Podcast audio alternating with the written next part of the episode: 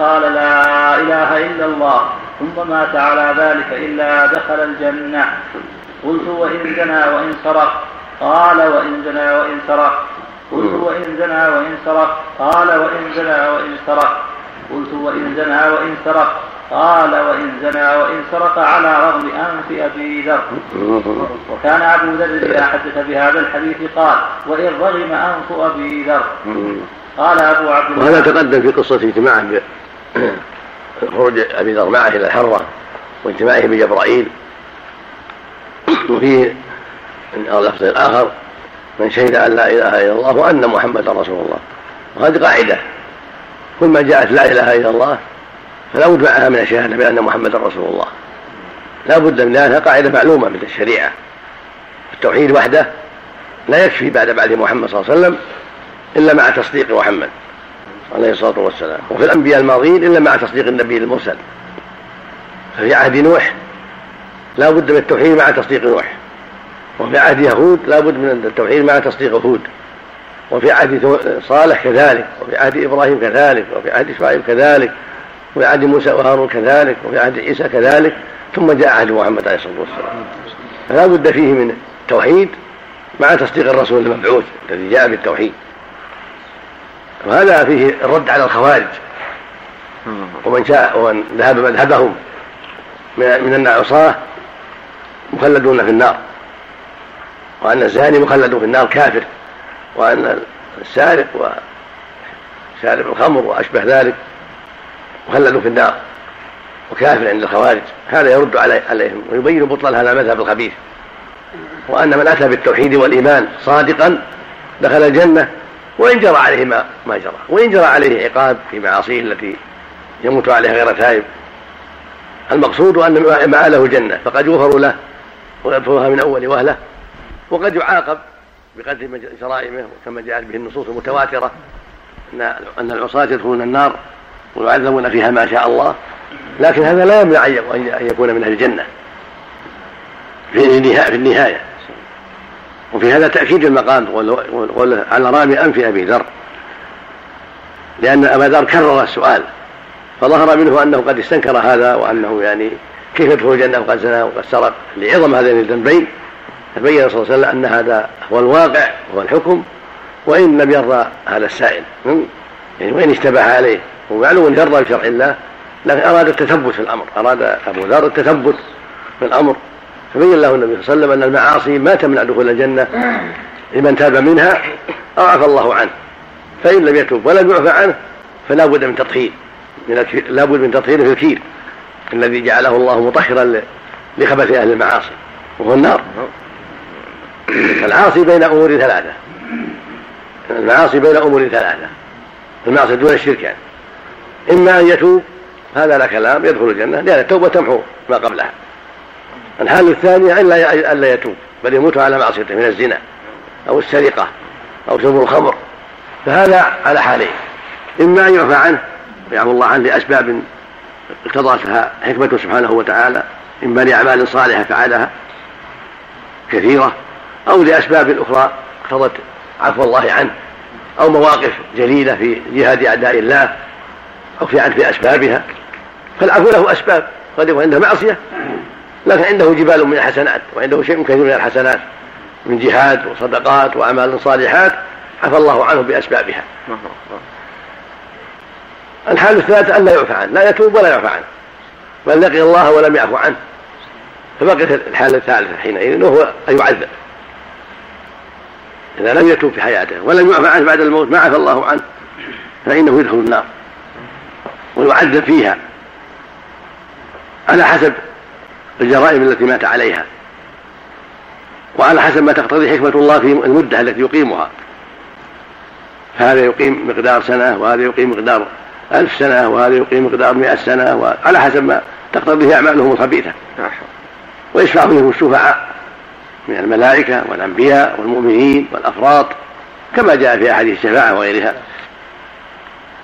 ونبينا صلى الله عليه وسلم يشفع أربع شفاعات في العصاة كما جاء في حديث أنس وغيره.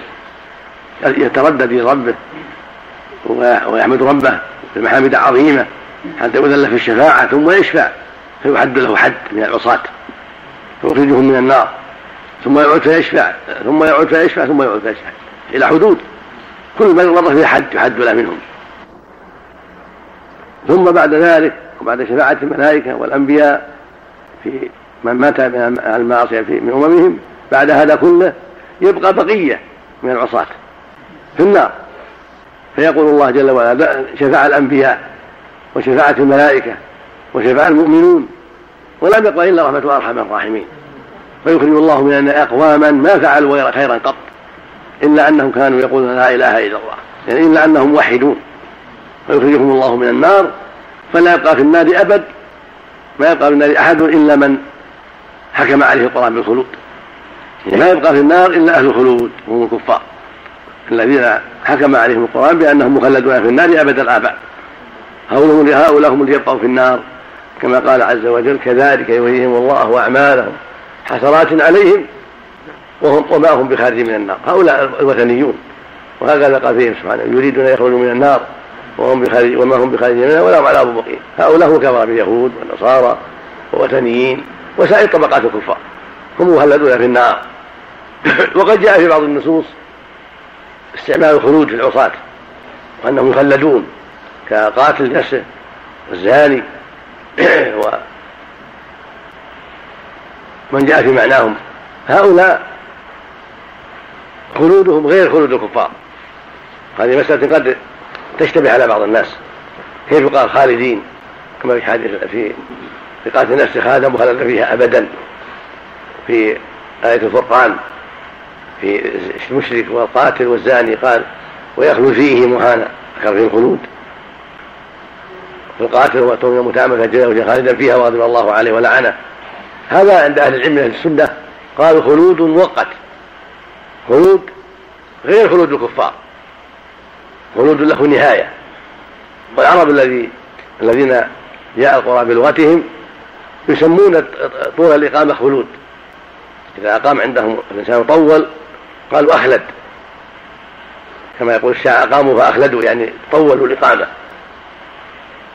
فالعاصي قد يخلد خلودا طويلا لكن له نهاية. ثم بعد النهاية التي كتبها الله يخرجه الله من النار إلى الجنة. فالحاصل أن هذا الحديث حديث أبي ذر لا ينافي ما علم من الدين بالضرورة من خطر الزنا وخطر السرقة. وأنهما ذنبان عظيمان وجريمتان عظيمتان لكنهما لا يكفران العبد إذا لم يستحلهما تحت مشيئة الله لا خلاف في قوله تعالى ويغفر ما دون ذلك لمن يشاء فالشرك لا يغفر بنص الكتاب العزيز إن الله لا يغفر أن يشرك به.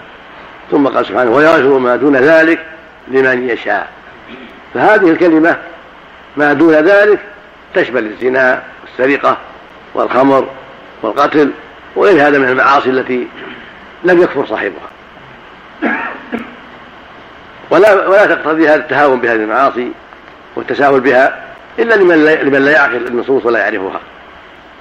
وإن زنى وإن سرق لا ليس معنى التهاون بهذين الذنبين ولكن معناه انهما لا يمنعان من دخول الجنة. وإن جرى على أصحابهما ما قد يجري من عذاب إذا لم يتوبا ولم يعفى عنهما. لأن النصوص تفسر بعضها بعضا وكلام الله يصدق بعضه بعضا ويفسر بعضه بعضا وهكذا كلام الرسول صلى الله عليه وسلم. يفسر بعضه بعضا وهو القائل جل وعلا الله نزل أحسن الحديث كتابا متشابها يعني يشبه بعضه بعضا. وهو القائل جل وعلا كتاب أحكمت آياته ثم فصل من لدن من لدن حكيم خبير. وهو القائل عز وجل في الزنا ولا تقربوا الزنا إنه كان فاحشة وساء سبيلا. هو القائل ومن يقتل من متعمدا فجزاؤه جهنم خالدا فيها وغضب الله عليه ولعنه وأعد له عذابا عظيما. هو القائل والذين لا يدعون مع الله إلها آخر ولا يقتلون السنة التي حرم الله إلا بالحق ولا يزنون. ثم قال ومن يفعل ذلك يلقى أثاما. يضاعف له العذاب يوم القيامة ويخلد فيه مهانا. هذه الآية لا تخالف النص النكور وإن زال وإن ساق إلى آخره. فهو موعود ومتوعد وعلى خطر من دخول النار وقد اتى جريمه عظيمة لكن هذا كله لا يمنع من أن يعفى الله عنه ولا يمنع من دخوله الجنة إما بعد التوبة من إن تاب أو بعد العفو أو بعد التطهير. فهو بين هذه الأمور الثلاثة العاصي زاني أو غيره. إما أن يتوب فينتهي أمره ويلحق بأهل الإيمان فيدخل الجنة من أول وهلة. وإما ألا يتوب ولكن يعفى عنه. يعفو الله عنه بعد ذلك ويرحمه لأسباب اقتضتها رحمة الله. فإن قد يكون عنده جهاد وأعمال صالحة عظيمة وصلوات وصيام وصدقات وأعمال لا تحصى من الخير ثم اقترف شرب مسكر أو سرقة فيما مضى من الزمان أو زنا ولم يقدر له الم... ولم تقدر له التوبة. فالله عز وجل برحمته وعظيم إحسانه يغفر هذه هذه الزلة في جنب تلك الأعمال العظيمة الصالحة ويدخله الجنة ويعفو عنه سبحانه وتعالى.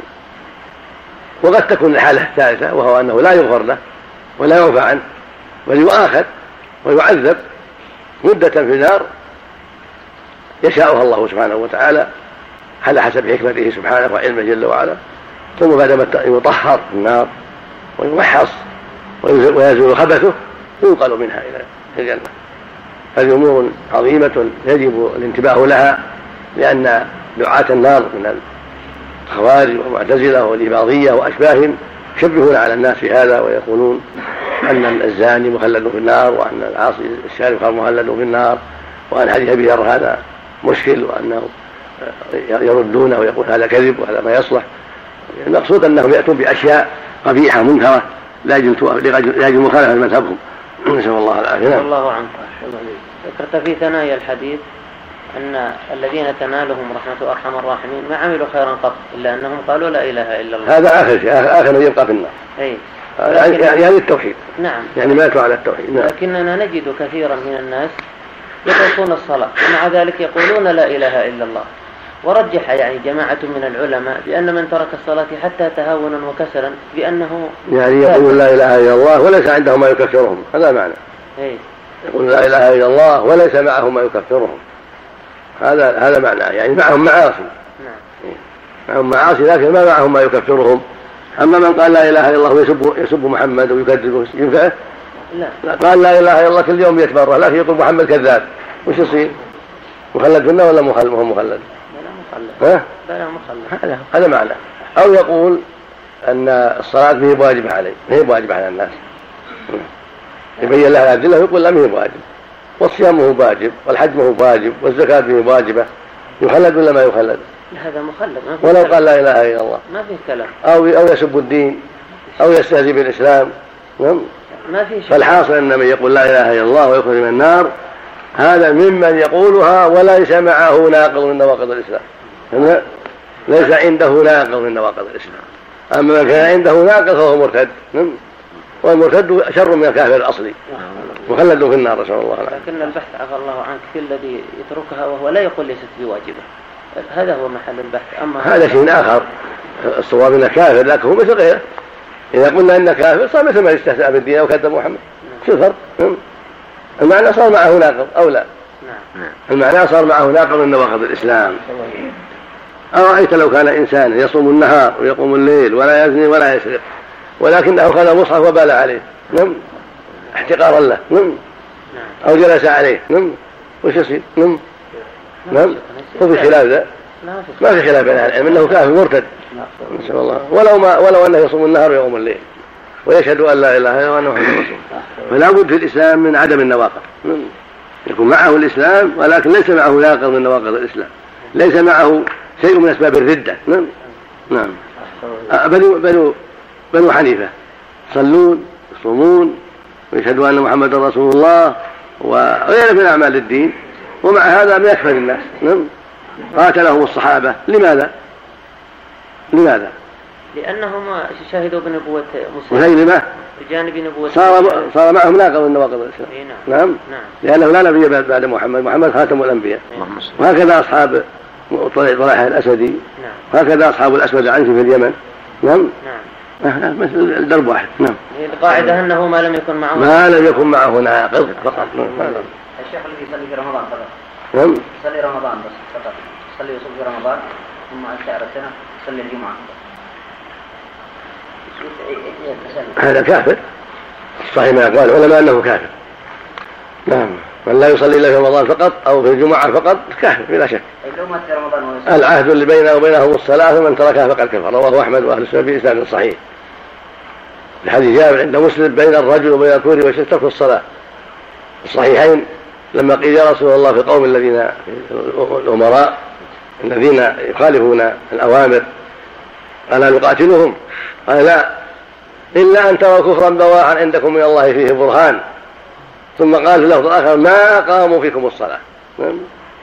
فدل على أن إقامة الصلاة تعصم ومن ترك الصلاة يسمى كفرا بواحد. نعم. لا يعصم. نعم. نسأل الله العافية. نعم. الصلاة نعم. إذا مات في خلال رمضان وهو يصلي ويصوم. إن كان عن توبة ينفع ولا إن كان مجرد عادة ولا هو عن توبة ما ينفع. نعم. صغير الشرك لأن المغفرة تساوي الذنوب أم لا؟ نعم. صغير الشرك إيه إيه كامل المغفرة إذا تاب غفر الله له. إذا تاب من الشرك غفر الله. أما إذا لم يتب المحقق عند أهل العلم لا يغفر. صغير الصغير ما يغفر لكن آه، يوازن بين الأعمال الصالحة والسيئات فإذا رجحت حسناته سقط سقط سقطت المؤاخذة. نعم. مثل ما بقية المعاصي. سمعت يعني أحد المشايخ كان يشرح لنا في التوحيد نعم. يقول بأن الشرك الأصغر يعني وكأنه ينسب الغالب على ظني إلى شيخ الإسلام بأنه يعذب صاحب الشرك الأصغر مهما كانت الحالة. لا غلط لا قد قد يعفى عنه. بسبب رجحان الحسنات. نعم. نعم. نسأل الله العافية. نعم. يعني عم الأدلة أنه لا يغفر إلا بالتوبة لكن قد يسقط جرمه وإثمه برجحان ميزان الحسنات. نعم. نعم. غلب جانب الحسنات. رحمة الله تغلب غضبه نعم. نعم. قال أبو عبد الله هذا عند الموت أو قبله إذا تاب وندم وقال لا إله إلا الله غفر له. قال أبو عبد الله نعم. قال أبو عبد الله هذا عند الموت أو قبله إذا تاب وندم وقال لا إله إلا الله غفر له. هذا من باب الإيضاح من المؤلف وأن هذا محمول على من تاب عند الموت أو قبل موت ولم يأتي بهذه السيئات. هذا قول والصواب أنه ليس بشر. قد يعفى عنه ولو كان ما تاب لأجل الأعمال الصالحات عند أهل السنة والجماعة. نعم. قال الشارع عليه. قال أبو عبد الله المستعان. هذه مظلة أسهام وزلة أقدام الله المستعان. نعم. ظل فيها الخوارج وأشباههم نسأل الله العافية. نعم. قوله قال أبو عبد الله هو البخاري. قوله هذا عند الموت أو قبله إذا تاب أي من الكفر. وندم يريد شرح قوله ما من عبد قال لا إله إلا الله. ثم مات على ذلك إلا دخل الجنة. وحاصل ما أشار إليه أن الحديث محمول على من وحد ربه ومات على ذلك تائبا من الذنوب التي أشير إليها في الحديث. فإنه موعود بهذا الحديث بدخول الجنة ابتداء. وهذا وهذا في حقوق في حقوق الله باتفاق أهل السنة. وأما حقوق العباد فيشترط ردها عند الأكثر. وقيل بل هو كالأول ويثيب الله صاحب الحق بما شاء. وأما من تلبس بالذنوب المذكورة ومات من غير توبة فظاهر الحديث أنه أيضا داخل في ذلك. لكن لكن مذهب أهل السنة انه في مشيئة الله تعالى ويدل عليه حديث عبادة. هذا هو هذا هو الحق هذا هو الحق. داخل وأنه تحت مشيئة الله. نعم. وليس بشرط التوبة. نعم. ويدل عليه حديث عبادة بن الصامت الماضي في كتاب الإيمان. فإن فيه ومن أتى شيئا من ذلك فلم يعاقب به فأمره إلى الله تعالى. إن شاء عاقبه وإن شاء عفى عنه. وهذا وهذا المفسر مقدم على وهذا المفسر مقدم على المفهم. وكل منهما يرد على المبتدعة من الخوارج ومن المعتزلة الذين يدعون وجوب خلود من مات من مرتكب الكبائر من غير توبة في النار. أعاذنا الله من ذلك بمنه وكرمه. ونقل الدستين عن عن الداودي أن كلام البخاري خلاف ظاهر الحديث فإنه لو كانت التوبة مشروطة لم يقل وإن زنى وإن سرق قال وإنما المراد أنه يدخل الجنة إما ابتداء وإما بعد ذلك والله أعلم. هذا هو الصواب. كلام البخاري هنا ليس بجيد. لكن هذا فهمه الذي أداه إليه رحمه الله. ولكن الصواب الذي عليه أهل السنة أنه وإن لم يتب هو تحت مشيئة الله. نعم. ما يحمل كلام البخاري على أن هذا أحد الحالين؟ لا شك أنها أحد الحالين لكن ليس به بشرط. أو ليس بشرط. نعم. نعم. الشيخ في قوله تعالى يا عبادي الذين اسرفوا على أنفسهم الآية.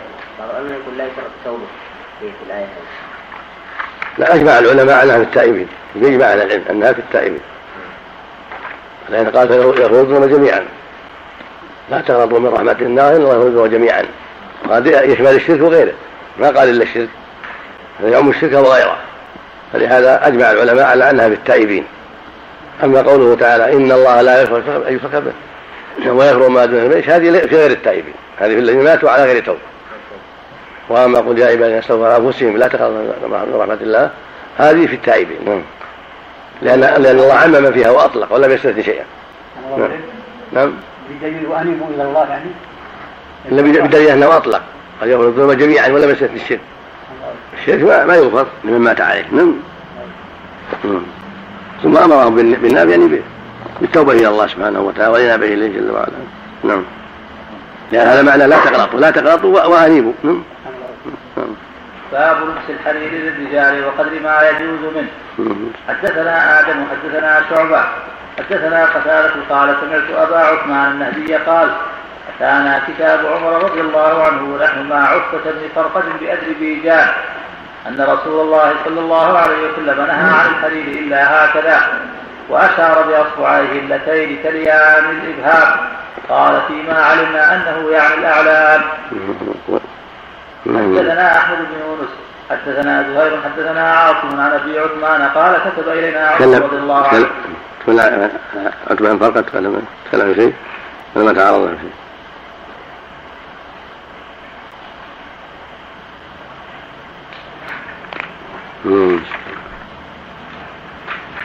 قوله سمعت أبا عثمان المهدي قال أتانا كتاب عمر.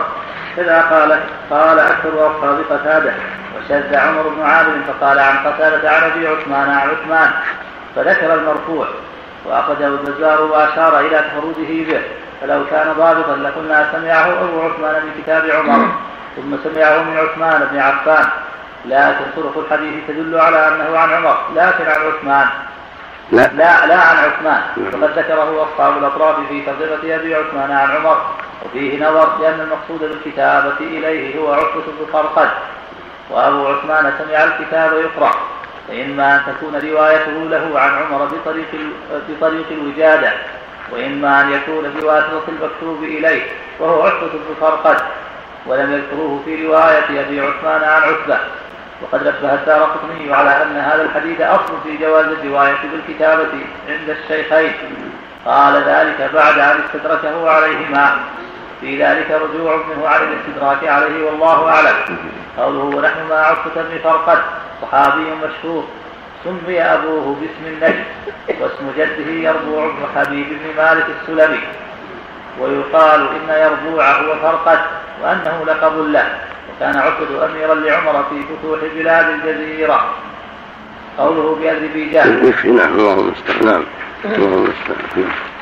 حدثنا أحمد بن حدثنا أحمد بن يونس حدثنا زهير حدثنا عاصم عن أبي عثمان قال كتب إلينا عمر رضي الله عنه ونحن باذربيجان أن النبي صلى الله عليه وسلم نهى عن لبس هكذا.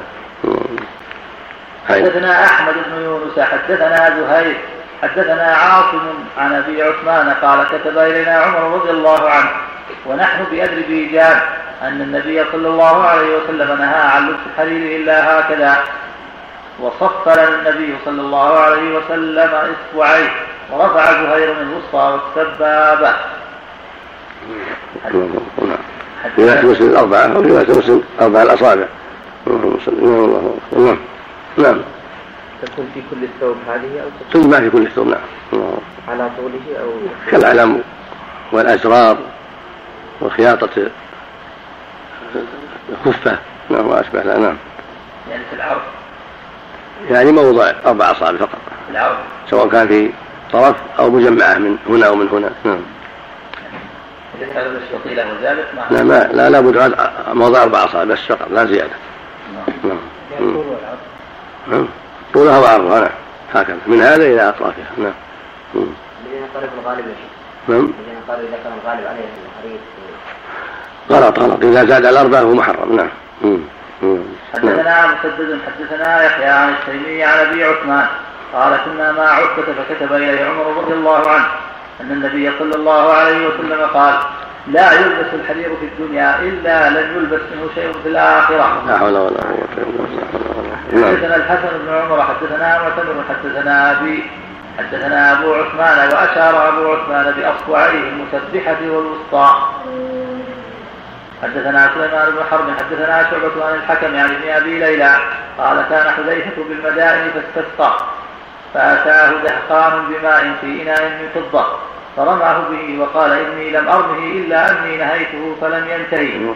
قال رسول الله صلى الله عليه وسلم الذهب والفضة والحرير والديباج هي لهم في الدنيا ولكم في الآخرة.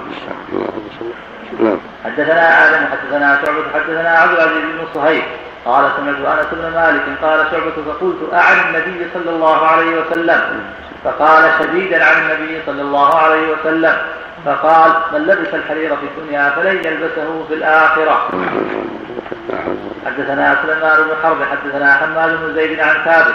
قال سمعت ابن الزبير يخطب يقول قال محمد صلى الله عليه وسلم من لبس الحرير في الدنيا لن يلبسه في الآخرة.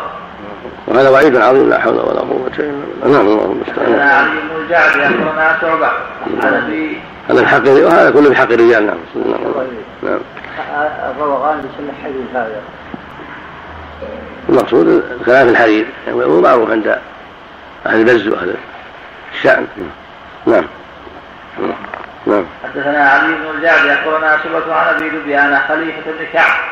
قال سمعت ابن الزبير رضي الله عنه يقول سمعت عمر رضي الله عنه يقول قال النبي صلى الله عليه وسلم من لبس الحرير في الدنيا لم يلبسه في الآخرة وقال لنا أبو معمر حدثنا عبد المالك عن يزيد قالت معاذة أخبرتني أم عمرو بنت عبد الله. سمعت عبد الله بن الزبير سمعت عمر رضي الله عنهما. سمع النبي صلى الله عليه وسلم نحوه. حدثني محمد بن بشار حدثنا عثمان بن عمر حدثنا علي بن المبارك عن يحيى بن أبي كثير عن عمران بن حطان عن عمران بن حطان قال سألت عائشة عن الحرير فقالت ائت ابن عباس فسل. قال فسالته فقال سل ابن عمر. قال فسألت ابن عمر فقال أخبرني أبو حفص يعني عمر بن الخطاب رضي الله عنه. أن رسول الله صلى الله عليه وسلم قال إنما يلبس الحرير في الدنيا من لا خلاق له في الآخرة. فقلت صدق وما كذب أبو حفص على رسول الله صلى الله عليه وسلم. قال عبد الله بن رجاء حدثنا حرب عن يحيى حدثني عمران.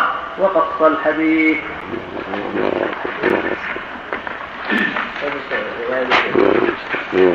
باب من مس الحرير من غير لبس.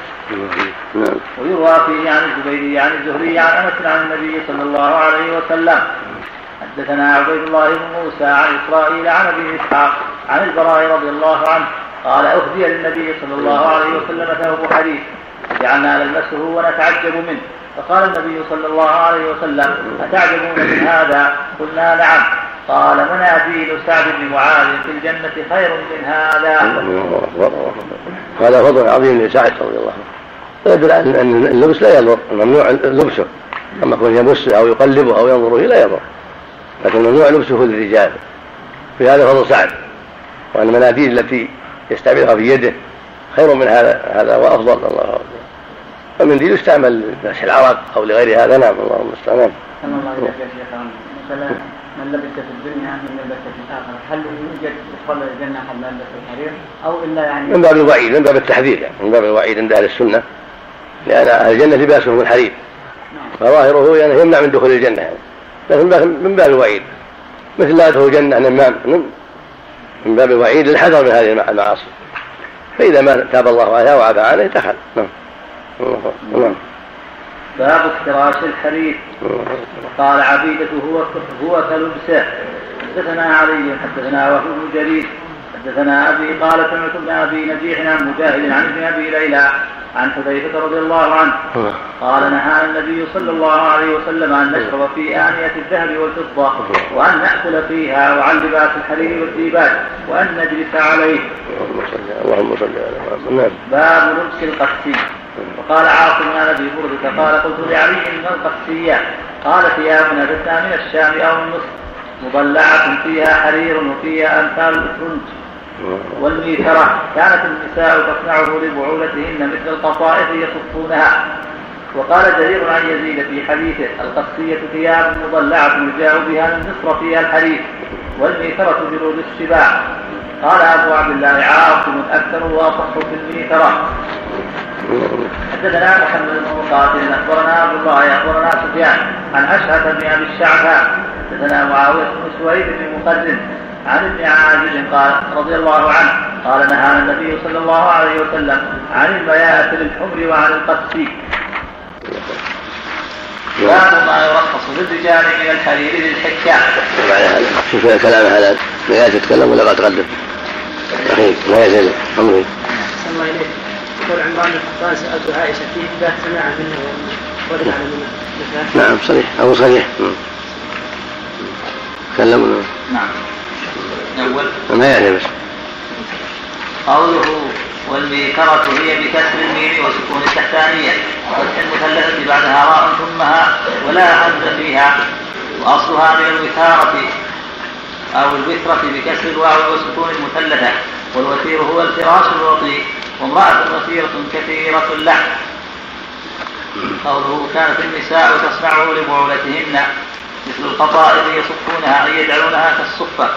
وحكى عياض في رواية يصفرونها بكسر الفاء ثم راء وأظنه تصحيفا وإنما قال يصفونها بلفظ المذكر للإشارة إلى أن النساء يصنعن ذلك والرجال هم الذين يستعملونها في ذلك.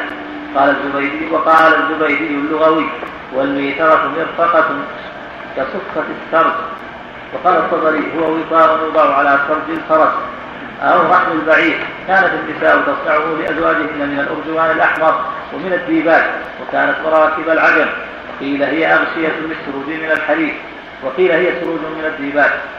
فحصلنا على أربعة أقوال في تفسير الميثرة هل هي وطاء للدابة أو لراكبها أو هي السرج نفسه أو غشاوة؟ وقال أبو عبيد المياتر الحمر. كانت من مراكب العجل من حرير أو ديباج. تسمية الميترة تدل على أنها توضع على السرد يعني يرتاح عليها الراكب وهي من الحرير والديباج فنهوا عنها. قال بعضهم إنها مطلقة لأنها من مراكب العجم إذا كان أعتادها العجم ولم تكن من زي المسلمين يكون فيها التشبه.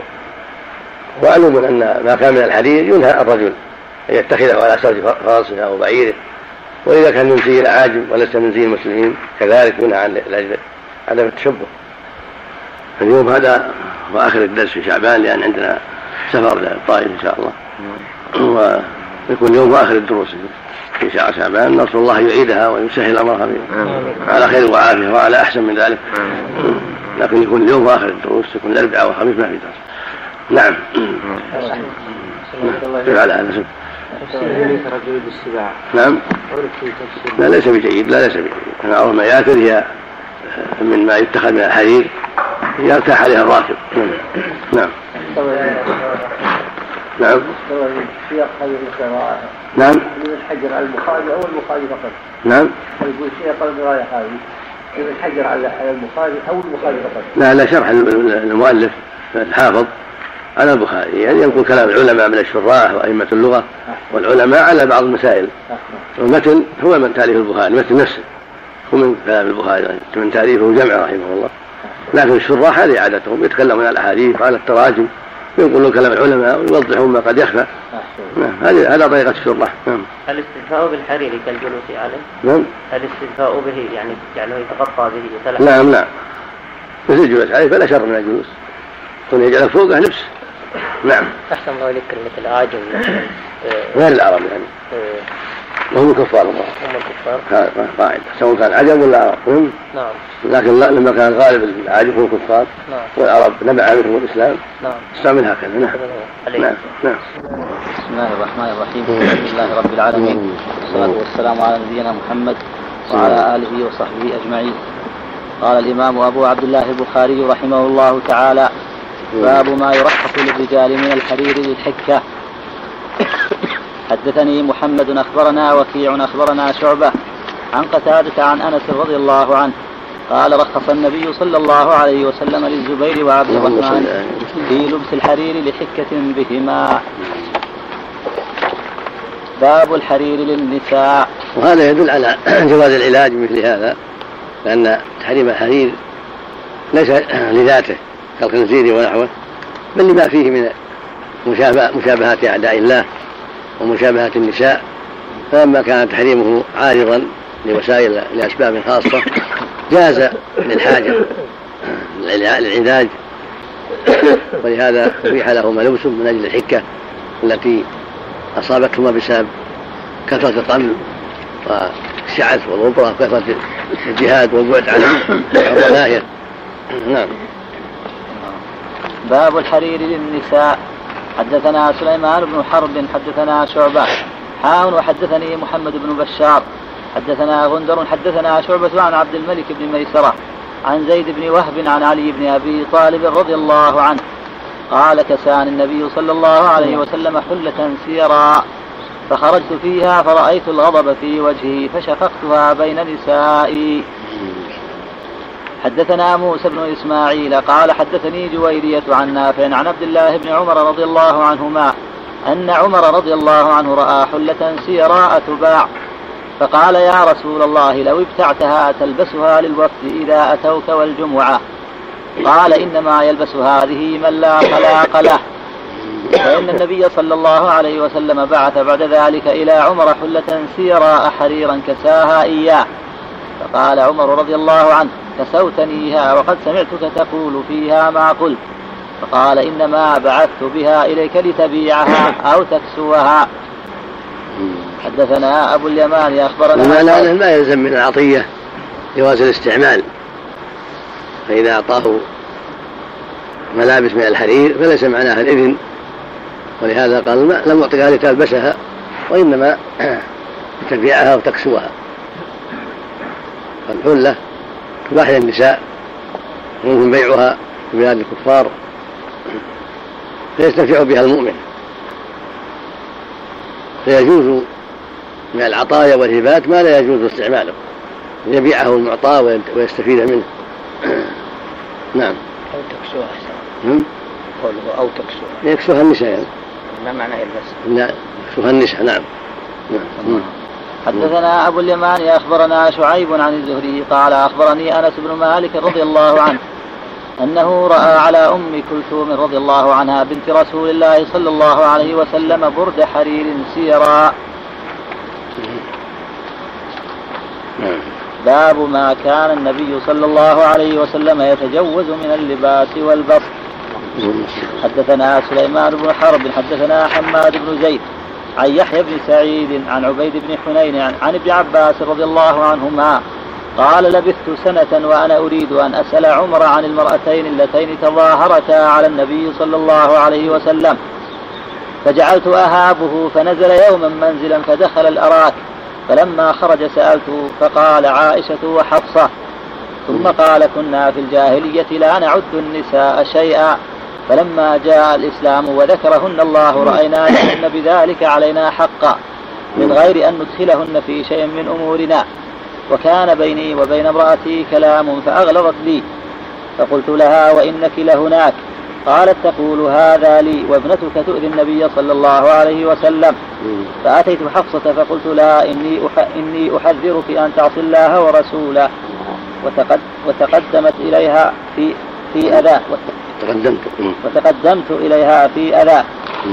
فأتيت أم سلمة فقلت لها فقالت أعجب منك يا عمر. قد دخلت في أمورنا فلم يبق إلا أن تدخل بين رسول الله صلى الله عليه وسلم وأزواجه. فردت وكان رجل من الأنصار إذا غاب عن رسول الله صلى الله عليه وسلم وشهدته أتيته بما يكون. وإذا غبت عن رسول الله صلى الله عليه وسلم وشهد أتاني بما يكون من رسول الله صلى الله عليه وسلم. وكان من حول وكان من حول رسول الله صلى الله عليه وسلم قد استقام له قد استقام له فلم يبق إلا ملك غسان بالشام.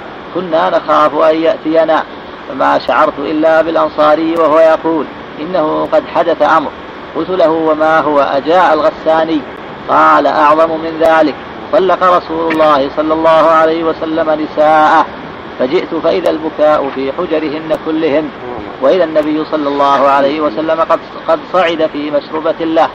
وعلى باب المشربة وصيف فأتيته فقلت استأذن لي فأذن لي فدخلت. فإذا النبي صلى الله عليه وسلم على حصير قد أثر في جنبه. وتحت رأسه مرفقة من أدم حشوها لي. وإذا أهب معلقة وقرض.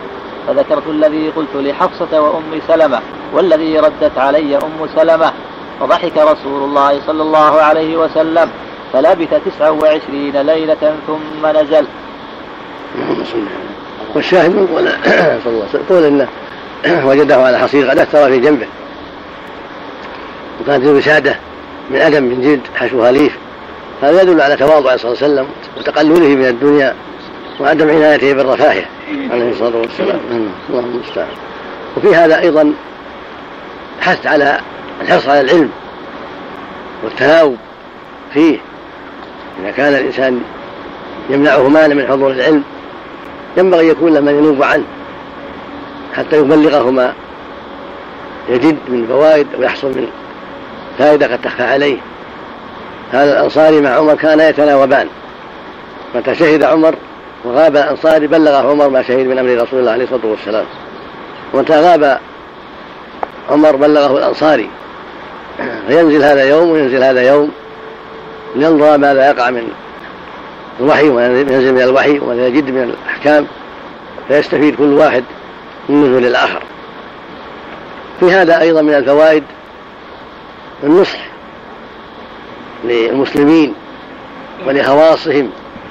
وأنه لا حرج أن يدخل الإنسان في الإصلاح بين الرجل وأهله إذا بلغه شيء إذا كانت له قدرة في ذلك. النبي صلى الله عليه وسلم ما أنكر على عمر دخوله بهذا الموضوع. وقد نصح حصة ونصح أم سلمة. فدل ذلك على أن دخول الرجل الذي له كلمة ويرجى نفعه دخوله في إصلاح بين الناس. وبين الكبار لعله يزول ما قد يقع من سوء تفاهم هذا أمر مطلوب. فيه ما كانت عليه الجاهلية من احتقار النساء وأنهم كانوا يحتقرون النساء وربما وأدوهن حيات كما بينه الله عز وجل ربما قتلوا الأولاد من الإملاق. جاء الله بالإسلام وأكرم المرأة فرفع شأنها وجعلها حقا عظيما. فرفع فعرف, فعرف المسلمون لها شأنها وحقها. وكانوا لا يدخلون النساء في شؤونهم. تكلمت ذات يوم زوجة عمر معه في شيء من شأنه فاستغرب هذا منها. فقال كيف تستغرب هذا وابنتك عند رسول الله تفعل كذا وكذا وأزواجه يهجرنه إلى الليل؟ فلهذا اشتد عمر في هذا وخاف على أزواجنا من الخطر من غضب الله لغضب رسوله عليه الصلاة والسلام. فالحاصل من هذا أن الواجب احترام النساء وإعطاؤهن حقوقهن وعدم احتقارهن والله جعل لهن حقوقا جعل لهن نصيبا من الإرث وأوجب لهن العشرة طيبة في المعروف. فالواجب أن يحترمن وأن يعطين حقوقهن وأن لا يحتقرن. وقد أشارت أم سلمة رضي الله عنها يوم الحديبة مشورة عظيمة لم ينتبه لها سواها فإنه صلى الله عليه وسلم لما أمر الناس يوم الحديبة أن ينحروا ويحلوا لما تم الصلح بينه وبين قريش على أنه يرجع إلى المدينة ولا يعتمد ذاك العام حقنا للدماء. توقف بعض الصحابة في ذلك ولم توقفوا فيه ولم يعجلوا رجاء أن يتيسر لهم العمرة لأنهم على باب مكة الحدود. وكانوا حريصين أن يأخذوا عمرة. فلهذا لم يعجلوا رجاء يسهل الله لهم دخول مكة لأخذ العمرة. فغضب النبي صلى الله عليه وسلم من ذلك وشق عليه تأخرهم. فدخل على أم سلمة. فسألته عن ذلك. والشاهد من قول قول انه وجده على حصير قد أثر في جنبه. وكانت له وساده من آدم من جلد حشوها ليف هذا يدل على تواضع صلى الله عليه وسلم وتقلله من الدنيا وعدم عنايته بالرفاهية عليه الصلاة والسلام. اللهم المستعان. وفي هذا أيضا حث على الحرص على العلم والتناوب فيه. إذا كان الإنسان يمنعه مال من حضور العلم ينبغي يكون له من ينوب عنه حتى يبلغه ما يجد من فوائد ويحصل من فائدة قد تخفى عليه. هذا الأنصاري مع عمر كان يتناوبان. متى شهد عمر وغاب الأنصاري بلغ عمر ما شهد من أمر رسول الله عليه الصلاة والسلام. ومتى غاب عمر بلغه الأنصاري. فينزل هذا يوم وينزل هذا يوم لينظر ماذا يقع من الوحي وما ينزل من الوحي وما يجد من الأحكام. فيستفيد كل واحد من نزول الآخر. في هذا أيضا من الفوائد النصح للمسلمين ولخواصهم وأنه لا حرج أن يدخل الإنسان في الإصلاح بين الرجل وأهله إذا بلغه شيء إذا كانت له قدرة في ذلك. النبي صلى الله عليه وسلم أنكر على عمر دخوله في هذا الموضوع. وقد نصح حفصة ونصح أم سلمة. فدل ذلك على أن دخول الرجل الذي له كلمة ويرجى نفعه دخوله في إصلاح بين الناس وبين الكبار لعله يزول ما قد يقع من سوء تفاهم. هذا أمر مطلوب. فيه ما كانت عليه الجاهلية من احتقار النساء وأنهم كانوا يحتقرون النساء وربما وأدوهن حيات كما بينه الله عز وجل. ربما قتلوا الأولاد من الإملاق. جاء الله بالإسلام وأكرم المرأة ورفع شأنها وجعلها حقا عظيما. فرفع فعرف, فعرف المسلمون لها شأنها وحقها. وكانوا لا يدخلون النساء في شؤونهم. تكلمت ذات يوم زوجة عمر معه في شيء من شأنه فاستغرب هذا منها. فقال كيف تستغرب هذا وابنتك؟ عند رسول الله تفعل كذا وكذا وأزواجه يهجرنه إلى الليل. فلهذا اشتد عمر في هذا وخاف على أزواجنا من الخطر من غضب الله لغضب الرسول عليه الصلاة والسلام. فالحاصل من هذا أن الواجب احترام النساء وإعطاؤهن حقوقهن وعدم احتقارهن. والله جعل لهن حقوقا جعل لهن نصيبا من الإرث وأوجب لهن العشرة. طيبة في المعروف فالواجب أن يحترمن وأن يعطين حقوقهن وأن لا يحتقرن. وقد أشارت أم سلمة رضي الله عنها يوم الحديبة مشورة عظيمة لم ينتبه لها سواها فإنه صلى الله عليه وسلم لما أمر الناس يوم الحديبة أن ينحروا ويحلوا لما تم الصلح بينه وبين قريش على أنه يرجع إلى المدينة ولا يعتمر ذاك العام. حقنا للدماء. توقف بعض الصحابة في ذلك ولم توقفوا فيه ولم يعجلوا. رجاء أن يتيسر لهم العمرة لأنهم على باب مكة على الحدود. وكانوا حريصين أن يأخذوا عمرة. فلهذا لم يعجلوا رجاء يسهل الله لهم دخول مكة لأخذ العمرة. فغضب النبي صلى الله عليه وسلم من ذلك. وشق عليه تأخرهم فدخل على أم سلمة فسألته عن ذلك عن أسباب غضبه قال لي إني آمر بالأمر فلم يمتثل. قال يا رسول الله إنهم إنما ينتظرون أمرك فإذا كنت تريد أنهم يمتثلون وأن الأمر ما في حيلة يعني ما فيه رجاء دخول مكة فابدأ بنفسك. أمر الحلاق انحر هديك وأحلق فإذا رأوك بادروا. عرفوا أن الأمر ما في حيلة. فقبل مشورتها رضي الله عنها وخرج إلى الناس وأمر بنحر هديه. فلما رأوه أمر بالنحر بادروا رضي الله عنهم وسارعوا إلى نحر هداياهم وإلى حلق رؤوسهم والتحلل. وعرفوا أن الأمر لا حيلة فيه وأنه لا بد من الرجوع. هذه المشورة حلت مشكلة كثيرة وسارع الناس إلى التحلل. لما رأه صلى الله عليه وسلم بادر بالتحلل عليه الصلاة والسلام. نعم. حدثني عبد الله بن محمد حدثنا هشام. أخبرنا معمر عن الزهري قال أخبرتني هند بنت الحارث عن أم سلمة رضي الله عنها قالت استيقظ النبي صلى الله عليه وسلم من الليل وهو يقول لا إله إلا الله. ماذا أنزل الليلة من الفتن؟ ماذا أنزل من الخزائن؟ من يوقظ صواحب الحجرات؟ كم من كاسية في الدنيا عارية يوم القيامة؟ كم؟ كم من كاسية في الدنيا نعم. عارية؟ كذا عارية؟ عارية بالجر بالرفع بس. عارية. عارية وعارية. نعم. كاسية عارية جر على اللون عارية على المعنى. كم كاسية؟ من صلة في سياق التكثير نعم الله المستعان. نعم. والحال أنها عارية يوم القيامة. نعم.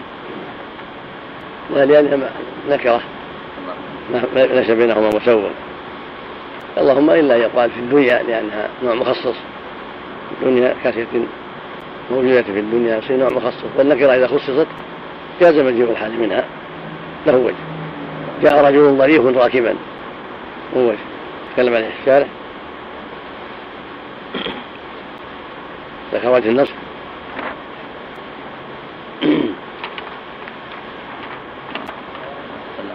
نعم. ما ضبطها؟ نعم. ما تعرض. ما عين الخيار. نعم. عارية بالجر أي كم من كاسية عارية عرفتها. نعم.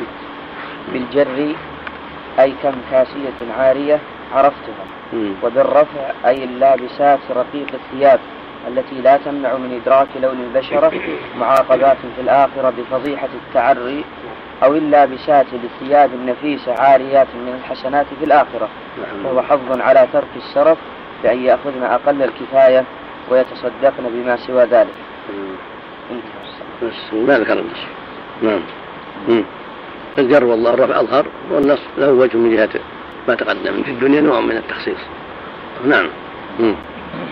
كم من كاسية في الدنيا عارية يوم القيامة؟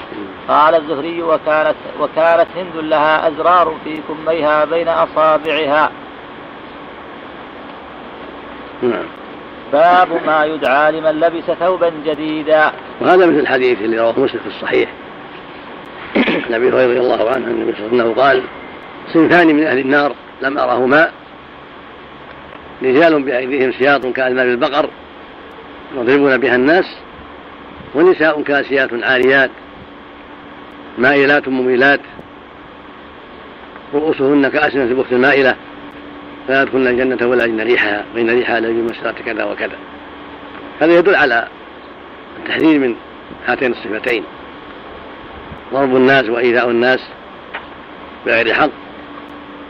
والثانية وجود نساء كاسيات عاريات مائلات مميلات. كاسيات من نعم الله عاريات من شكرها. هذا أحد القولين فيه والقول الآخر أن المعنى كاسيات بثياب رقيقة أو قصيرة لا تستر. عاريات في المعنى. وكلاهما مذموم. هذا وهذا. فترك الشرب مذموم وترك الملابس الضافية الضافية الساترة. مذموم ومن التبرج والفتنة. ولهذا توعد عليه بالنار. مائلات عن العفة وعن الاستقامة. مميلات لغيرهن بإيقاعهن في الفواحش والمنكرات. نسأل الله العافية. نعم. من يوقظ صواحب الحجرة يعني ليجتهدن في طاعة الله وصلاة آخر الليل لأن هذا من أسباب العافية والسلامة. المراد زوجاته عليه الصلاة والسلام. حث لهن على قيام الليل والتهجد بآخر الليل. الله المستعان الله نعم. باب ما يدعى لمن في هذا لا أنزل من الخزائن وما أنزل من الفتن فيه أن أن الدنيا جاءت بعده صلى الله عليه وسلم. جاءت الفتن وجاءت الخزائن. جاء المال وجاءت الفتن مع المال. بسط الله على أمة من المال والخير العظيم وجاء معها الفتن الكثيرة. ولهذا قال بعض الصحابة أو يأتي الخير بالشر؟ قال أو خير هو. إنما أخشى إن أخشى ما أخشى ما أخشى عليكم ما يفتح عليكم من زهرة الدنيا. ثم قال بعد ذلك إني أخشى ما من الدنيا. إني أخشى أن تنافسوها كما تنافسوها فتهلككم كما أن أن تبسط إني أخشى أن تبسط لكم كما بسط على من كان قبلكم. فتنافسوها كما تنافسوها فتهلككم كما أهلكتهم لا حول ولا قوة. نعم. لهم من على القوم فقد منكر بالقوم منكر بالقوم ربك هذا أثر عن الحسن. يا رد الله يعطي النعم على يتابع النعم على عباده على غرتهم وسلوتهم فاعلم أن قوم قد مكر بهم. نسأل الله العافية. لا حول ولا قوة. نعم. حدثنا ابو الوليد حدثنا إسحاق. من حديث أبي سعيد رواه مسلم إن الدنيا حلوة خضره وان الله مستخلف فيها فلا أدروا كيف تعملون فاتقوا الدنيا واتقوا النساء. فان اول فتنة بني إسرائيل كانت في النساء. خرجه مسلم أيضا. نعم رحمه الله. نعم اللهم المستعان حدثنا أبو الوليد حدثنا إسحاق بن سعيد بن عمرو بن سعيد بن العاص. قال حدثني أبي قال حدثتني أم خالد بنت خالد. قالت أتي رسول الله صلى الله عليه وسلم بثياب فيها خميصة سوداء. قال من ترون نكسوها هذه الخميصة؟ فأسكت القوم. قال ائتوني بأم, بأم خالد فأتي بي النبي صلى الله عليه وسلم فألبسنيها بيده وقال أبلي وأخلقي مرتين جعل ينظر إلى علم الخميصة ويشير بيده إلي ويقول يا أم خالد هذا سنا والسنا بلسان الحبشة الحسن قال إسحاق حدثتني امرأة من أهلي أنها رأته على أم خالد اللهم صل وهذا في تواضعه وحسن خلقه نلبس هذه الطفلة الصغيرة هذا اللباس قابلي وأخلقي أبلي وأخلقي. عندك بالفاء احلفي ولا بالقاف؟ الشكل بالقاف. أبلي وأخلقي نعم. يعني دعاء لها بطول العمر وأنها تبليها وتخلقها وتلبس غيرها. الله أكبر. ضبط عندك؟ وقاف هو المعروف نعم. تقدم بيان الاختلاف في قوله لها أبلي وأخلقي هل بالقاف أو الفاء؟ بس. العيني. هذا الغط لا يفعل أخلفي معنى الخلف يعني تعطي خلفا منها وأخلقي يعني يعني طول العمر حتى تخلقها. نعم. لا ما نعم. لا ما يستحب له يحمد الله على ما يسر اللهم لك أنت كسبتني اسال خيره وخير ما صنع له واعوذ من شره وشر ما صنع له. كما يقول هذا عليه الصلاة والسلام. نعم اللهم نعم. تبلى ويخلف الله. نعم. تبلي. تبلي ناخذ من هذا المعنى هذا أبلي وأخلفي. أبلي وأخلفي. حديث أبي سعيد كان إذا لبس جديدا قال اللهم لك الحمد انت كسوتني أسألك خيره وخير ما صنع له واعوذ من شره وشر ما صنع له. نعم. يقال بالأمر. نعم. يقال بالأمر. أبلي. أبلي وأخي نعم بالأمر. نعم معنى الدعاء يعني. لفظ مع الدعاء اغفر لنا وارحمنا. أو يقال تب لي ويخلف الله. اللفظ عندك أبلي وأخلف هنا قال النبي هنا. والحديث أولى. نعم. أولى. أبلي مثل ما قال النبي مثل ما قال النبي صلى الله عليه وسلم. نعم. أخوي عمر. نعم. أخوي عمر الأنصار الذي يتناوم معه. نعم. أخوي عمر الأنصار الذي ينوم معه. ما أتذكر ما نبه عليه من الأنصاري من هو؟ نعم. يمكن سبق في الطلاق. نعم. نعم. باب النهي عن التزعفر للرجال. حدثنا مسدد حدثنا عبد الوارث عن عبد العزيز عن أنس رضي الله عنه قال نهى النبي صلى الله عليه وسلم أن يتزعفر الرجل. باب الثوب المزعفر. حدثنا أبو نعيم حدثنا سفيان عن عبد الله بن دينار. عن ابن عمر رضي الله عنهما قال نهى النبي صلى الله عليه وسلم أن يلبس المحرم ثوبا مصبوغا بورس أو بزعفران. باب الثوب الأحمر. حدثنا أبو الوليد حدثنا شعبة عن أبي إسحاق سمع البراء رضي الله عنه يقول كان النبي صلى الله عليه وسلم مربوعا وقد رأيته في حلة حمراء. ما رأيت شيئا أحسن منه. باب, باب الميترة الحمراء. حدثنا قبيصة حدثنا سفيان عن أشعث عن معاوية بن سويد بن مقرب عن البراء رضي الله عنه قال أمرنا النبي صلى الله عليه وسلم بسبع عيادة المريض واتباع الجنائز وتشميت العاطس ونهانا عن لبس الحرير والديباج والقسي والقسي والاستبرق والمياثر الحمر. فسرت بأنها لأنها من الحرير فسرت لأنها من زي الأعاجم المياثر التي تركب عليها فوق توضع فوق القتل على الدابة. فإن كانت من زيهم فللتشبه وإن كانت من حرير فلأن لبس الحرير يدخل فيه الجلوس عليه. وبعضهم كره الأحمر القاني خالص قال لهذه الرواية ورواية أخرى هل يستحب أن يكون الأحمر فيه شيء من خطوط الأخرى خطوط السود أو بيض أو خضر أو ما أشبه ذلك ما يكون خالصا بالكلية والجمهور على عدم الكراهة لأجل ما في النصوص الكثيرة من لبسه الأحمر عليه الصلاة والسلام. نعم. قال عليه قال الشارع الميثاق. ولو كان يعني نعم. جمهور على عدم الكراهة ولو كان مصمتا. إي ولو كان مصمتا نعم. خلاف المصمت. أما اللي مصمت ما في كراهة لأحد. نعم. السواد لا بأس به نعم. السواد لا بأس به. النبي صلى الله عليه وسلم دخل مكة وعلى إمامة سوداء عليه الصلاة والسلام. نعم. قوله باب الثوب الأحمر. ذكر فيه حديث البراء كان النبي صلى الله عليه وسلم مربوعا وقد رأيته في حلة حمراء ما رأيت شيئا أحسن منه. وقد تقدم في صفة النبي صلى الله عليه وسلم أتم سياقا من هذا. قوله عن أبي إسحاق هو السبيعي سمع البراء هو ابن عازب. كذا قال أكثر أصحاب أبي إسحاق. وخالفهم أشعث فقال عن أبي إسحاق عن جابر بن سمرة رده النسائي وأعله الترمذي وحسنه. ونقل عن البخاري أنه قال ونقل عن البخاري أنه قال حديث أبي إسحاق عن البراء وعن جابر بن سمرة صحيحان. وصححه الحاكم وقد تقدم حديث أبي جحيفة قريبا ويأتي وفيه حلة حمراء أيضا. ولأبي داود من حديث هلال بن عامر عن أبيه رأيت النبي صلى الله عليه وسلم يخطب بمنى على بعير وعليه برد أحمر وإسناده حسن. وللطبراني بسند حسن عن طارق المحاربي نحوه. لكن قال بسوق ذي المجاز وتقدم في باب التزعفر ما يتعلق بالمعصفر أن غالب ما يصنع بالعصر يكون أحمر. وقد تلخص لنا من أقوال السلف في لبس الثوب الأحمر سبعة أقوال. الأول الجواز مطلقا. صف كم؟ 305 305 نعم. وقد تلخص لنا قد تلخص لنا من أقوال السلف في لبس الثوب الأحمر سبعة أقوال. الأول الجواز مطلقا. جاء عن علي وطلحة وعبد الله بن جعفر والبراء وغير واحد من الصحابة. وعن سعيد بن المسيب والنخعي والشعبي وأبي قلابة وأبي قلابة وأبي وائل وطائفة من التابعين. القول الثاني المنع مطلقا لما تقدم من حديث عبد الله بن عامر وما نقله البيهقي.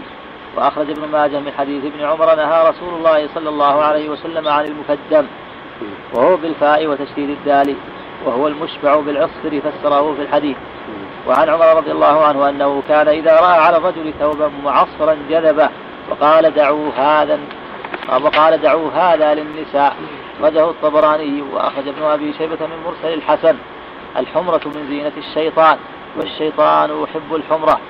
وصله أبو علي بن السكني وأبو محمد بن عدي. ومن طريق البيهقي في الشعب برواية أبي بكر الهذلي وهو ضعيف عن الحسن عن رافع بن يزيد الثقفي رفعه. إن الشيطان يحب الحمرة وإياكم والحمرة وإياكم والحمرة وكل ثوب ذي شهرة. وأخرجه ابن منده وأدخل في رواية له بين الحسن ورافع الرجلان الحديث ضعيف وبالغ الجوزقاني فقال إنه باطل.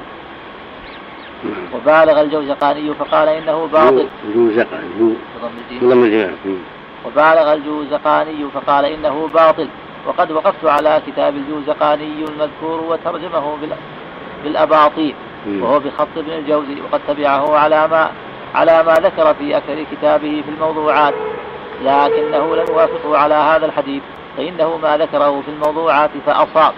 وعن عبد الله بن عامر رضي الله عنهما قال مر على قال مر على قال مر على النبي صلى الله عليه وسلم رجل عليه ثوبان أحمران. فسلم عليه فلم يرد فلم يرد عليه النبي صلى الله عليه وسلم. أخرجه أبو داود والترمذي وحسنه والبزار. وقال لا نعلمه إلا بهذا الإسناد. وفيه أبو يحيى القتات مختلف فيه. وعن رافع بن خديج قال خرجنا مع رسول الله صلى الله عليه وسلم في سفر. فرأى على رواحلنا أكسية فيها خطوط عهن حمر فقال ألا أرى هذه الحمرة قد غلبتكم؟ قال فقلنا سراعا فنزعناها حتى نفر بعض إبلنا. أخرجه أبو داود وفي سنده راو لم يسمى وعن امرأة من بني أسد قالت كنت عند زينب أم المؤمنين رضي الله عنها ونحن نصبغ ثيابا لها بمغرة اطلع النبي صلى الله عليه وسلم. مغرة. مغرة. المغرة معروف. يحصل الحمرة نعم. اطلع النبي صلى الله عليه وسلم فلما رأى المغرة رجع. يعني يصبغ بها. نعم يصبغ بها. فلما رأت ذلك زينب غسلت ثيابها ووارت كل حمرة فجاء فدخل أخرجه أبو داود وفي سنده ضعف. القول الثالث يكره لبس الثوب المشبع بالحمرة دون ما كان صبغه خفيفا. جاء ذلك عن عطاء وطاووس ومجاهد وكأن الحجة في حديث ابن عمر المذكور قريبا في المقدم. القول الرابع يكره لبس الأحمر مطلقا لقصد الزينة والشهرة ويجوز في البيوت والمهنة. جاء ذلك عن ابن عباس رضي الله عنهما وقد تقدم قول مالك في باب التزعفر. القول الخامس يجوز لبس ما كان صبغ غسل غزله ثم نسج. ويمنع ما صبغ بعد النفس. جنح إلى ذلك الخطابي واحتج بأن الحلة الواردة في الأخبار. الواردة في لبسه صلى الله عليه وسلم الحمرة الحمراء إحدى حلل اليمن. وكذلك البرد الأحمر وبرود اليمن يصبغ غزلها ثم ينسج. القول السادس اختصاص النهي بما يصبغ بالمعصفر لورود النهي عنه ولا يمنع ما صبغ بغيره من الأصباط. ويعكر عليه حديث المغيرة المتقدم. القول السابع تخصيص المنع بالثوب الذي يصبغ كله وأما ما فيه لون آخر غير الأحمر من بياض وسواد وغيرهما فلا. وعلى ذلك تحمل الأحاديث الواردة في الحلة الحمراء فإن الحلل اليمانية غالبا تكون ذات خطوط حمر وغيرها. قال ابن القيم كان بعض العلماء يلبس ثوبا مشبعا بالحمرة يزعم أنه يتبع السنة وهو غلط فإن الحلة الحمراء من برود اليمن. والبرد لا يصبغ أحمر صرفا.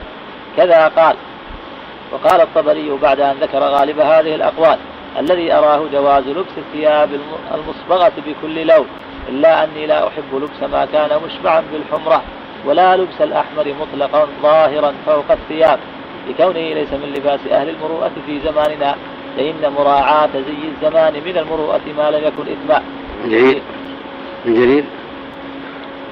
الطبري نعم نعم. فإن مراعاة زي الزمان من المروءة ما لم يكن إثما وفي مخالفة الزي ضرب من الشهرة. وهذا يمكن أن يلخص منه قول ثامن. والتحقيق في هذا المقام أن النهي عن لبس الأحمر إن كان من أجل أنه لبس الكفار. فالقول فيه كالقول في الميسرة الحمراء كما سيأتي. وإن كان من أجل أنه زي النساء فهو راجع إلى الزجر عن التشبه بالنساء. فيكون النهي عنه لا, عنه لا لذاته. وإن كان من أجل الشهرة أو خرم المروءة فيمنع حيث يقع ذلك وإلا فيقوى مذهب ما فيقوى ما ذهب إليه مالك من التفرقة بين المحافل والبيوت. كم كم كلام؟ نعم. صف كم أوله؟ باب الميترة الأخص. أولا 305 305 وآخر 306 باب إيش؟ باب الثوب الأحمر. نعم بعد باب الثوب الأحمر. اللي هو الثاني بعد.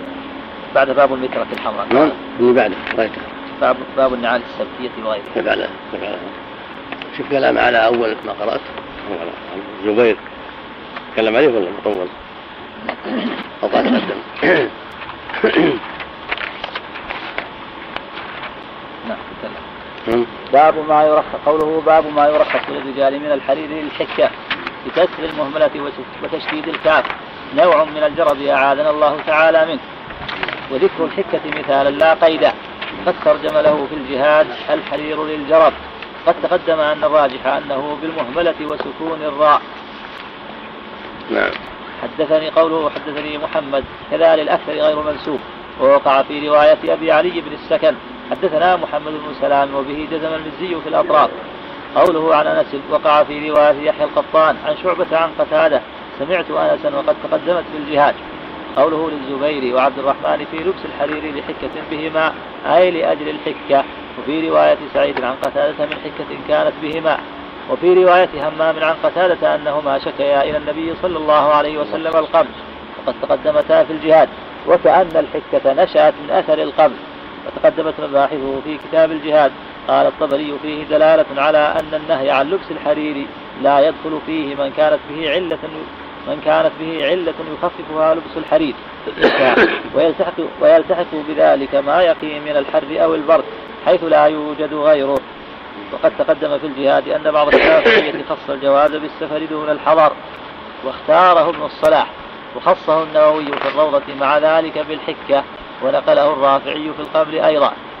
تنبيه وقع في الوسيط للغزالي أن الذي رخص له في لبس الحرير حمزة بن عبد المطلب. وغلطوه. وفي وجه للشافعية أن الرخصة خاصة بالزبير وعبد الرحمن وقد تقدم في الجهاد عن عمر ما يوافقه.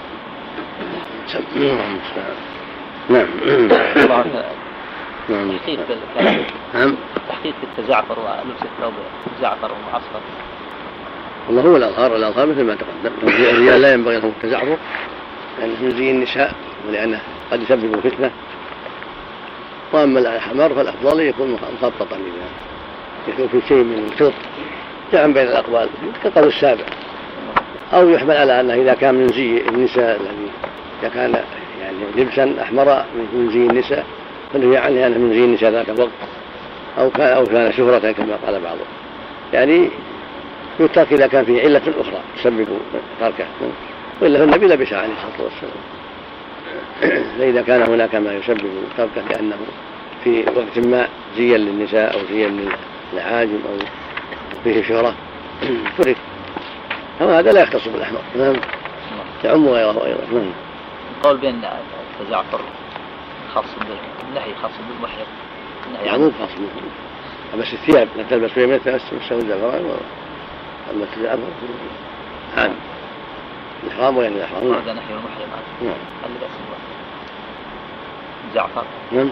أقول ورد نهي المحرم عن لبس الزعفر لا تلبس شيئا من الثياب السوء الزعفران هذا في محق المحرم. وهذا حديث عام يعني في المحرم وفي غيره. والتزعفر هذا عام يعم المحرم وغير المحرم. نعم. الحكمة عفى الله عنه. نعم. الحكمة من النهي عن غير المحرم. الله أعلم. المحرم لأنه طيب لكن غير المحرم عفى الله عنه. الله قد يكون شيء من يعني قد يسبب الفتنة يعني فتنة لأنه قد يشبه المرأة في هذا العمل. نعم لأنها يحصل لها طيب وصفرة شيء من يعني نعومة. قد يسبب فتنة بالرجل يعني ولا سيما الشاب. نعم. ربما يكون من أسباب من أسباب الفتن. نعم. فتن الشهوات يعني. نعم. الله أعلم. ملابس الرجال تجدها ماخذ جميع الألوان وإنما يتميز بالتفصيل فقط. نعم. الأصل الاشتراك. لكن يجب زي يكون زي الرجل غير زي المرأة. نعم. نعم. وهكذا زي الكفار نعم. البياض ما في نص نعم. البياض أفضلها أفضلها. بس البياض فانه خير خير الثياب. بسم الله عليه وسلم نعم نبينا والصلاة والسلام على نبينا محمد وعلى آله وصحبه أجمعين. قال الإمام أبو عبد الله البخاري رحمه الله تعالى باب النعال السبتية وغيرها. حدثنا سليمان بن حرب حدثنا حماد عن سعيد عن سعيد أبي مسلمة. قال سألت أنس رضي الله عنه أكان النبي صلى الله عليه وسلم يصلي فينا عليه؟ قال نعم. حدثنا حدثنا سليمان بن حرب. حدثنا حماد عن سعيد أبي مسلمة. كذا عنه. مسلمة. نعم.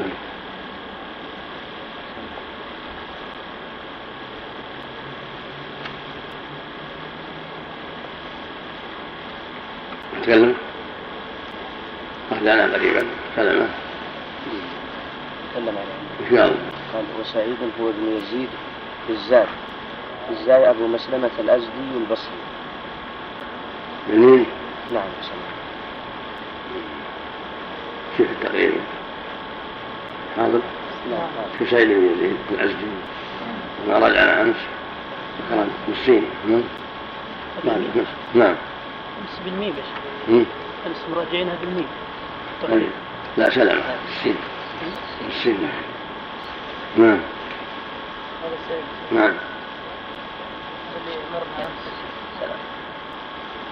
نعم. سعيد بن يزيد بن سلمة الازدي ثم الصافي مم. أبو سلمة البصري القصير. ثقة من الرابع. جماعة. ما في غيرها. ما في سعيد بن يزيد. آخر. يزيد؟ أبو. سعيد بن يزيد ما جاب سعيد بن يزيد البجلي ثم الأحمس الكوفي صديق من الصالح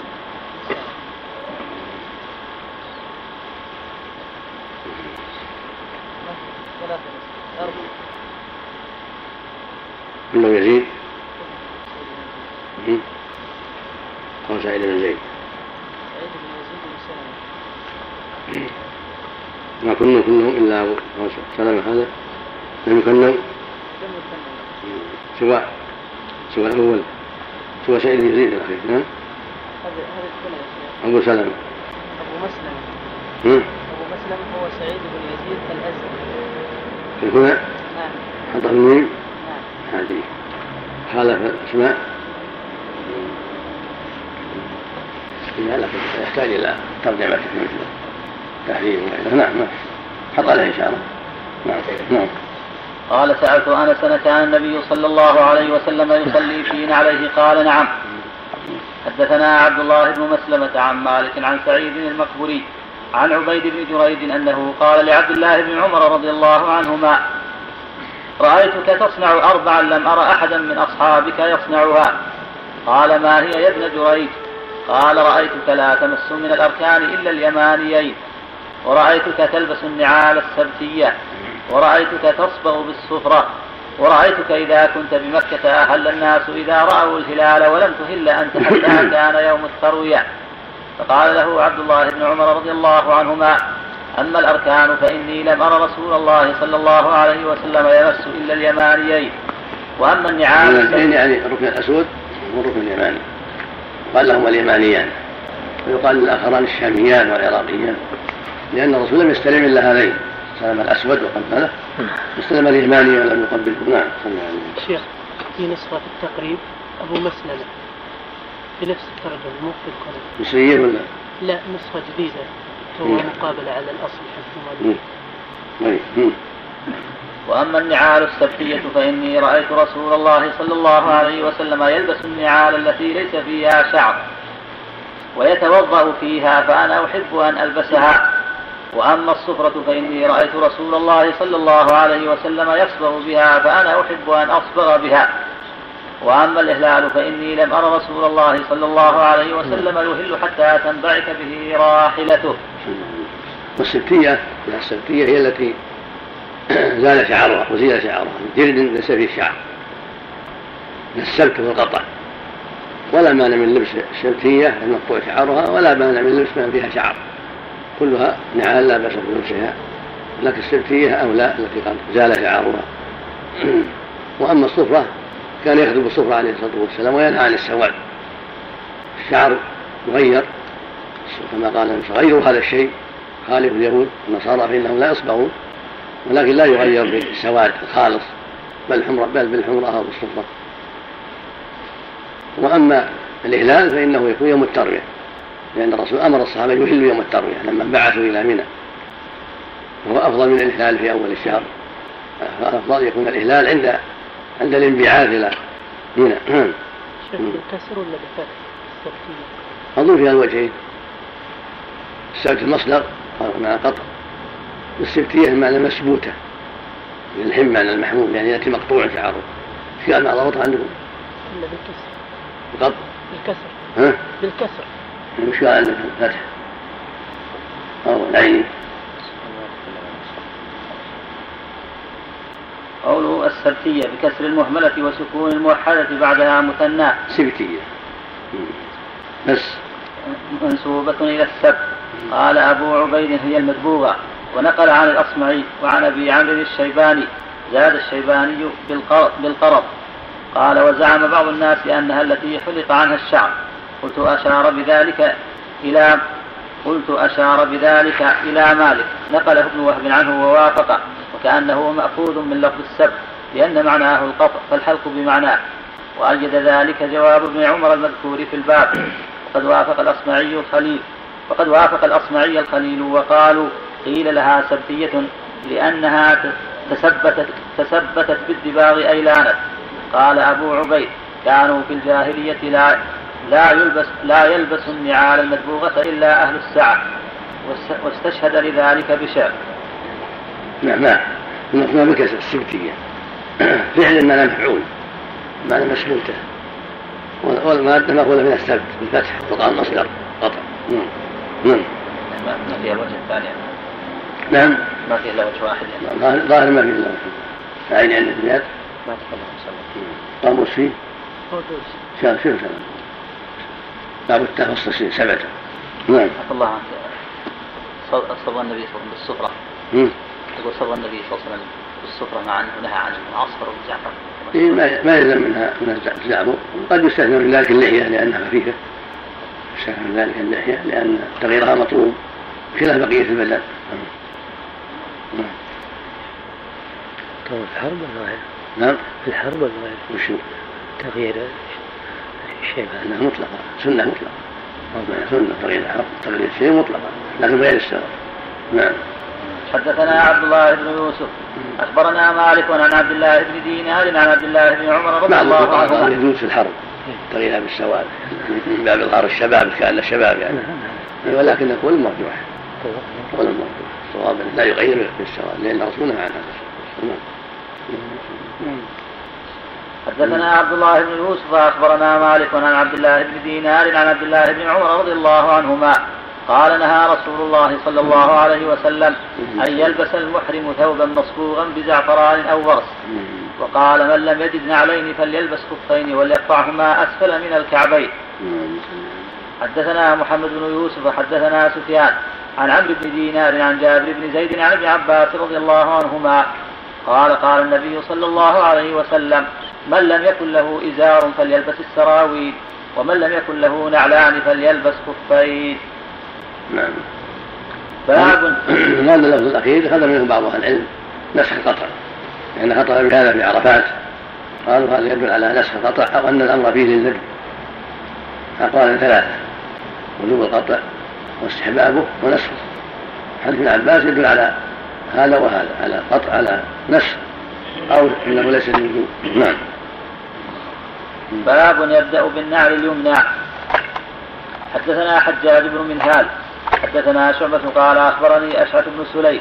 سمعت أبي يحدث عن مسروق عن عائشة رضي الله عنها قالت كان النبي صلى الله عليه وسلم يحب التيمن في طهوره وتنعله. كان كان.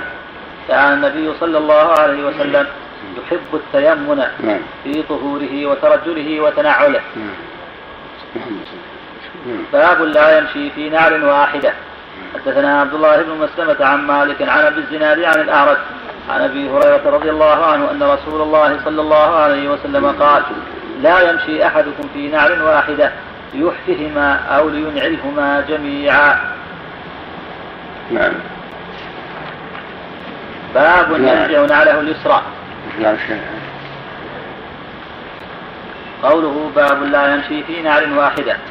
ذكر في حديث أبي هريرة من رواية الأعرج عنه قال الخطابي الحكمة على وقاية الرجل كما يكون في الأرض من شوك أو نحوه. قال الخطابي. نعم.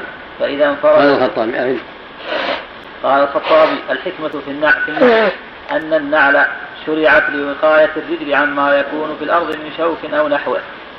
فإذا انفردت إحدى الرجلين احتاج الماشي أن يتوقع لإحدى رجليه ما لا يتوقع للأخرى فيخرج بذلك عن سجية مشيه ولا يأمن مع ذلك من العقاب وقيل لأنه لم يعدل بين جوارحه وربما نسب فاعل ذلك إلى اختلال الرأي أو ضعفه.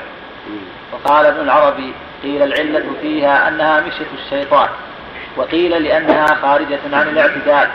وقال البيهقي الكراهة فيه للشهرة فتمت- فتمتد الأبصار لمن ترى ذلك منه. وقد ورد النهي عن الشهرة في اللباس. وكل شيء صير صاحبه شهرة فحقه أن يجتنب. وأما ما أخرجه مسلم من طريق أبي من طريق أبي رزين عن أبي هريرة رضي الله عنه بلفظ إذا انقطع شسع أحدكم فلا يمشي في نعل واحدة حتى يصلحها. وله من حديث جابر حتى يصلح نعله وله ولأحمد من طريق همام عن أبي هريرة. إذا انقطع شسع أحدكم أو شراكه فلا يمشي في إحداهما بنعل والأخرى حافية. ليحفهما جميعا أو لينعلهما جميعا. فهذا لا فهذا لا مفهوم له حتى يدل على على الإذن في غير هذه الصورة. وإنما هو تصوير خرج مخرج الغالب ويمكن أن يكون من مفهوم الموافقة وهو التنبيه بالأدنى على الأعلى. لأنه إذا منع مع الاحتياج فمع عدم الاحتياج أولى وفي هذا التقرير استدراك على من أجاز ذلك حين الضرورة وليس كذلك. المراد أن هذه الصورة قد يظن أنها أخف لكونها للضرورة المذكورة لكن لعلة موجودة فيها أيضا. وهو دال على ضعف ما أخرجه الترمذي عن عائشة رضي الله عنها قالت ربما انقطع شسع نعل رسول الله صلى الله عليه وسلم فمشى في النعل الواحدة حتى يصلحها. وقد رجح البخاري وغير واحد وقفه على عائشة. وأخرج, وأخرج الترمذي بسند صحيح عن عائشة رضي الله عنها أنها كانت تقول لأخيفن أبا هريرة فيمشي في نعل واحدة. وكذا أخرجه ابن أبي لا لا لا. لا. لأخيفن خيفن بالخاء. نعم. وهكذا. لأخيفن أبا هريرة فيمشي في نعل واحدة. بس. عندك هذا عين إذا ساقع ساقع العين ولا ساقع؟ امم بعد؟ وكذا؟ شيبة موقوفا هذا؟ وأخرج الترمذي بسند صحيح. عن عائشة رضي الله عنها أنها كانت تقول. لأخيفن أبا هريرة فيمشي في نعل واحدة. راجع التلميذ راجع التلميذ نعم نعم. وكذا أخرجه ابن أبي شيبة موقوفا وكأنها لم يبلغها النهي. وقولها لأخيفن.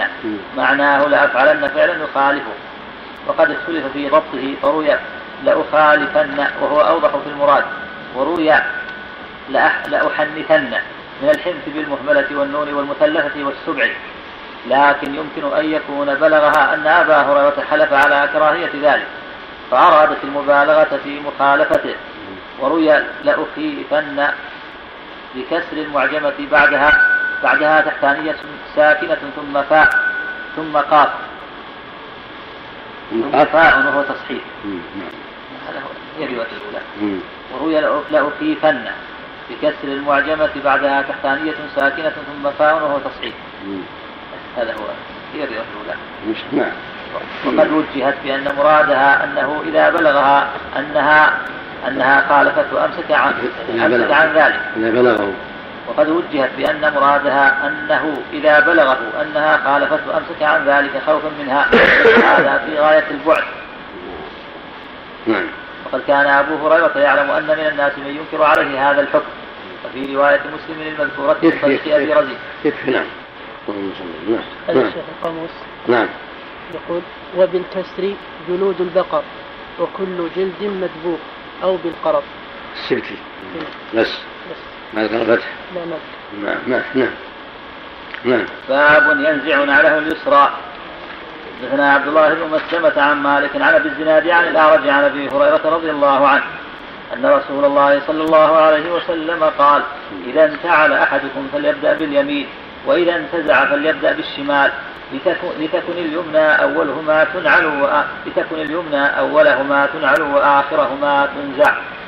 لا خير إلا دل عليه ولا شر إلا حذر عنه. اللهم صل عليه وسلم هذه الأمور كلها متعلقة بالآداب الشرعية في الملابس عموما وفي ملبس النعل وأن السنة فيها أن يكون بادئا باليمنى في اللبس وباليسرى في النزع وأن تكون في الرجلين جميعا ولا ينعل واحدة ويترك واحدة. لأن هذا مشوه لأمره وعمله لافت للانظار فلا ينبغي أن يفعله. وجاء في حديث لا أذكر من خرجه الآن أنها مشية الشيطان كما أشار إليه ابن العربي لكن الحافظ لم يعتني به. نعم. باب باب قبالان في نعل ومن رأى قبالا واحدا واسعا. حدثنا حجاج بن منهال. كذا كسر قبالا ضبطت نعم. كسر القاف نعم كسر القاف تخفيف الموحدة وآخره لام هو الزمام نعم. القبال بكسر القاف وتخفيف الموحدة وآخره لام هو الزمام. زمام. الزمام وهو والزمان نعم. نعم. وهو السير الذي يعقد فيه الشسم الذي يكون بين إصبعي الرجل. نعم. حدثنا حجاج بن منهال حدثنا همام. عن قتادة حدثنا أنس رضي الله عنه أن نعلي النبي صلى الله عليه وسلم كان لهما قبالات حدثني محمد أخبرنا عبد الله. أخبرنا عيسى بن طهمان قال أخرج إلينا أنس بن مالك النعلين لهما قبالات فقال ثابت البناني هذه نعل النبي صلى الله عليه وسلم. باب القبة الحمراء من أدب. حدثنا محمد بن عرعرة قال حدثني عمر بن أبي زائدة عن عون بن أبي جحيفة عن أبيه رضي الله عنه قال أتيت النبي صلى الله عليه وسلم